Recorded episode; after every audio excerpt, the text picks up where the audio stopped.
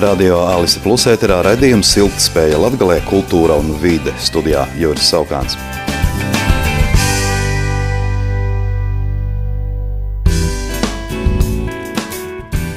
Šī nedēļa ir Startautiskā literatūras festivāla prozas lasījuma norises laiks.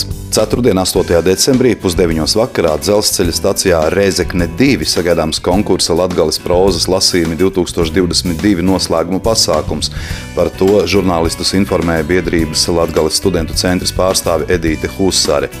Konkursa noslēgums būs kā patveršanās literatūrā dzelzceļa stacijā Rezekne 2, bet tā tiešraidē līdzi sekot varēs portālā lakuga.lv, Latgaliešu kultūras kustības volūda un festivāla prozas lasījumi lapās sociālajā tīklā Facebook.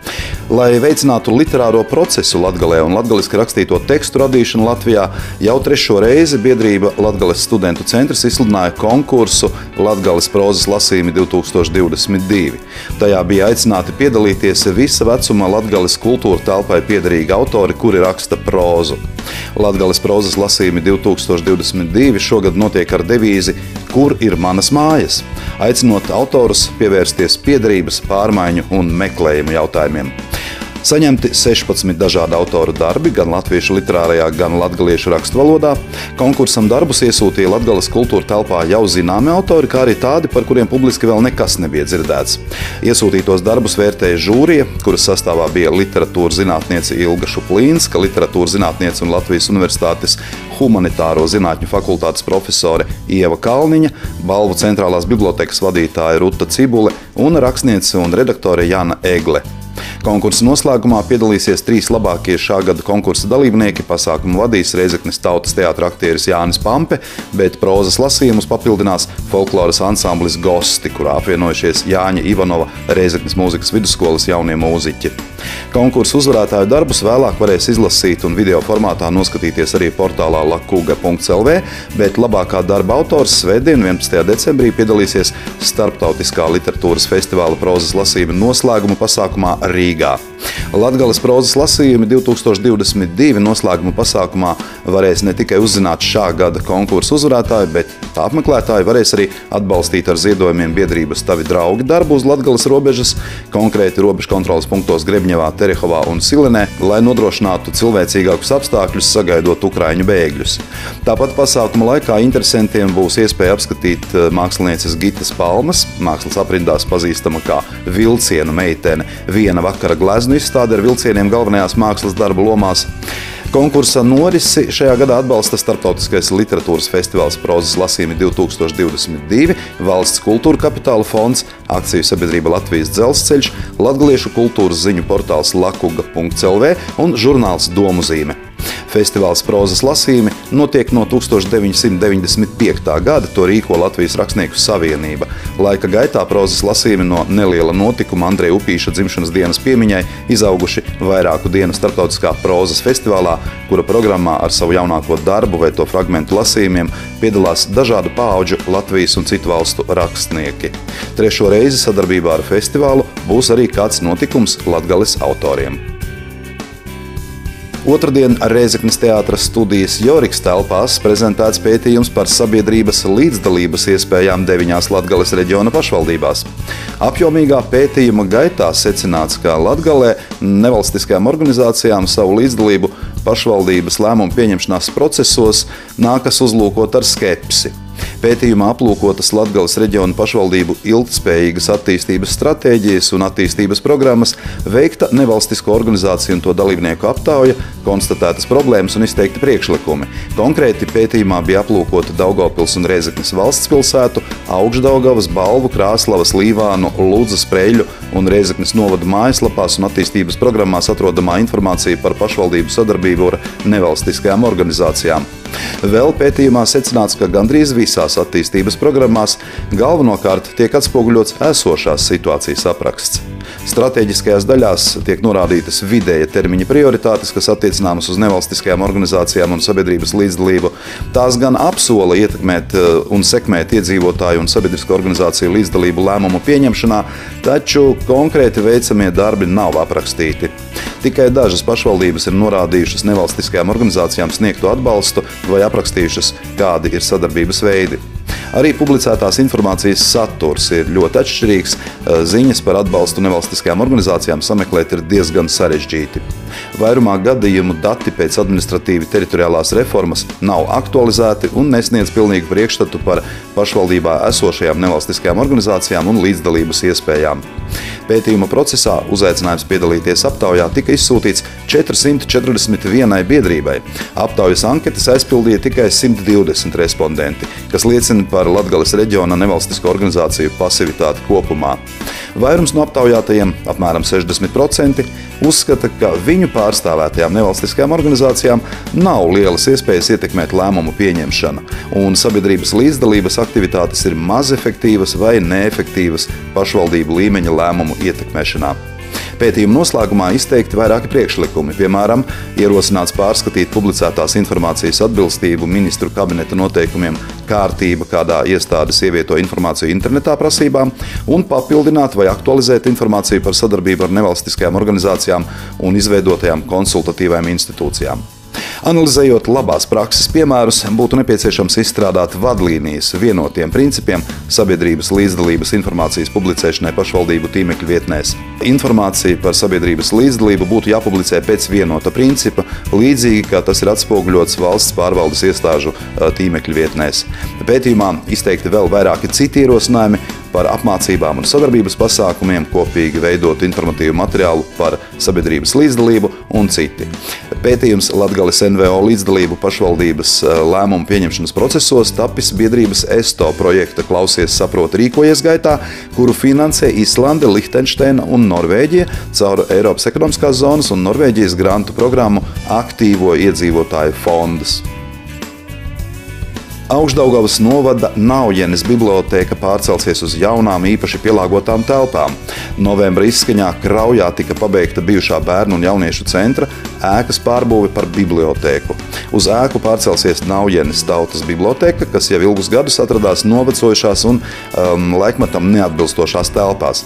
Pašvaldība cer, ka jaunā un izremontētā biblioteka kalpos par Naujenes pagasta vietzīmi, kultūras, izglītības, informācijas un sabiedriskās saskarsmes centru.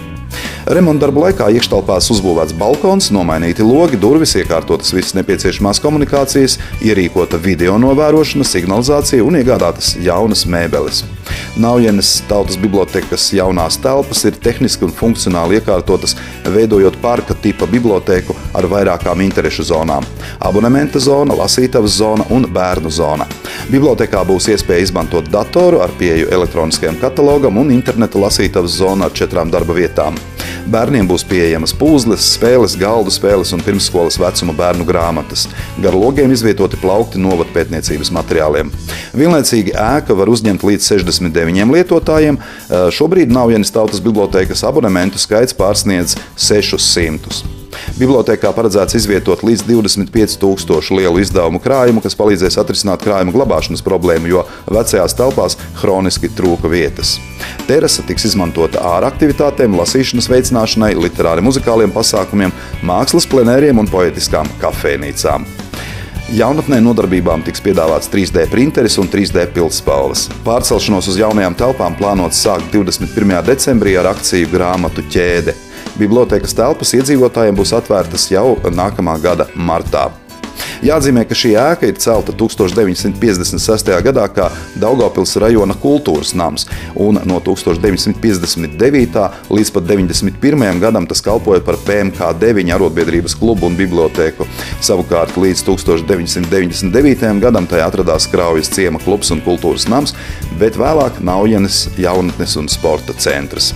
Kopējās projekta izmaksas sastāda 390 593 eiro, no tiem paši būvdarbi, kurus veica Sijā Vanpro, izmaksāja 356 000 eiro.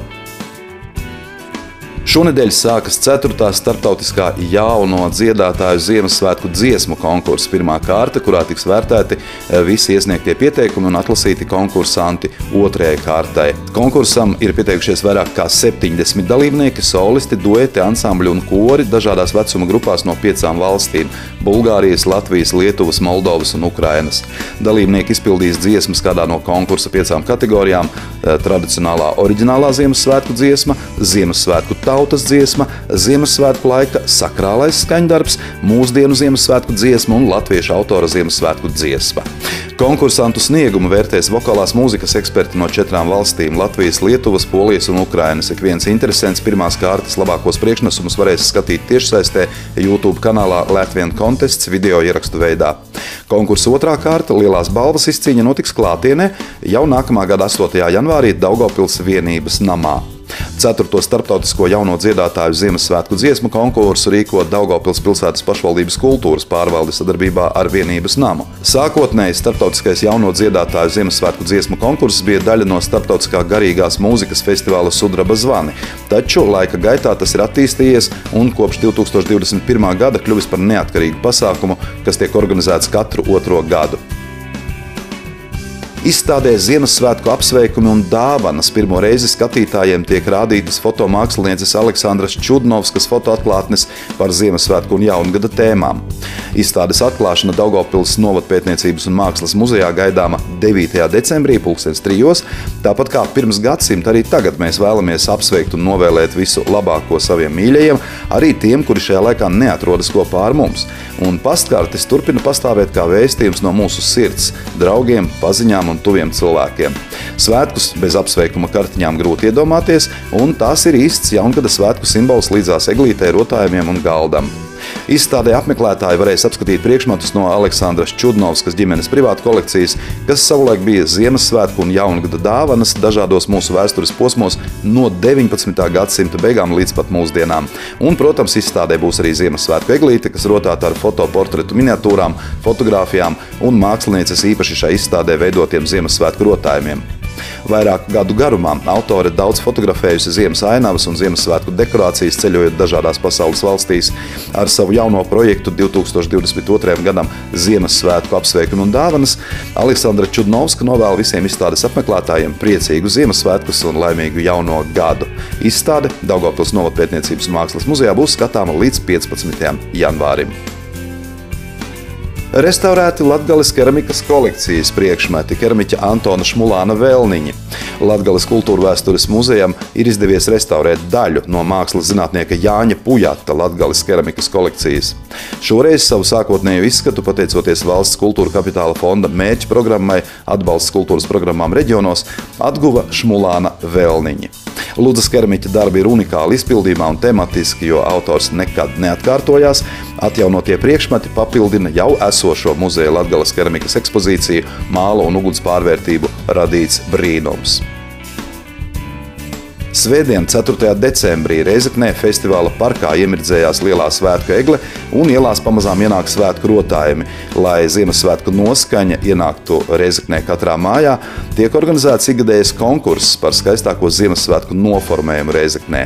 Konkursā var piedalīties gan fiziskas, gan juridiskas personas, izgaismojot Ziemassvētku noformējumā privātu māju, daudz dzīvokļu māju uzņēmumu, sabiedrisko valsts un pašvaldības iestāžu ēku logus, fasādes, pagalmus un priekšlaukumus. Ziemassvētku noformējumu trīs kategorijās - privātmājas un to pagalmi, daudz dzīvokļu māju, logu fasāžu noformējums, kā arī uzņēmumu sabiedrisko valsts un pašvaldības iestāžu ēku noformējums, vērtēs Reizeknes valsts pilsētas pašvaldības kultūras komisija, pievēršot uzmanību noformējuma atbilstībai tradīcijām un noskaņai, kā arī idejai un tās realizācijai. Noformētos objektus konkursam var pieteikt no 6. līdz 22. decembrim, elektroniski iesniedzot aizpildītu pieteikumu, fotografiju vai video uz e-pasta adresi kultūra.rezekne.lv. Pieteikto objektu vērtēšana notiks 27. un 28. decembrī. Uzvarētāji katrā kategorijā saņems balvas, pateicības rakstus, mazo sadzīves tehniku virtuvei un svētku tortes. Tāpat žūrija varēs piešķirt arī simpātiju balvas. Savukārt eh, Ludzā 23. decembrī no 12. līdz 8. vakarā vecpilsētas laukumā notiks Ziemassvētku tirdziņš. Eh, tajā varēs sajust un izgaršot Ziemassvētkus ar piparkūku, karsto dzērienu un ēdienu smaržu, ar gaismiņu spēli, uguns siltumu un sirsnīgām dāvanām tirgotāju mājiņās. Dienas laikā tirdziņa apmeklētājus priecēs daudzveidīgi priekšnesumi, vizināšanās zirga kamanās un ķekatnieki. Savukārt no 4 vakarā līdz 8 notiks tirdziņš ar dziesmām, dejām un uguns šovs. Ziņu apskatu pasaulē Latvijā Latgalē pēc publikāciju materiāliem sagatavoja Radio Alise Plus informācijas un ziņu dienests ar Sabiedrības integrācijas fonda atbalstu. Radio Alise Plus studijā bija Juris Saukāns.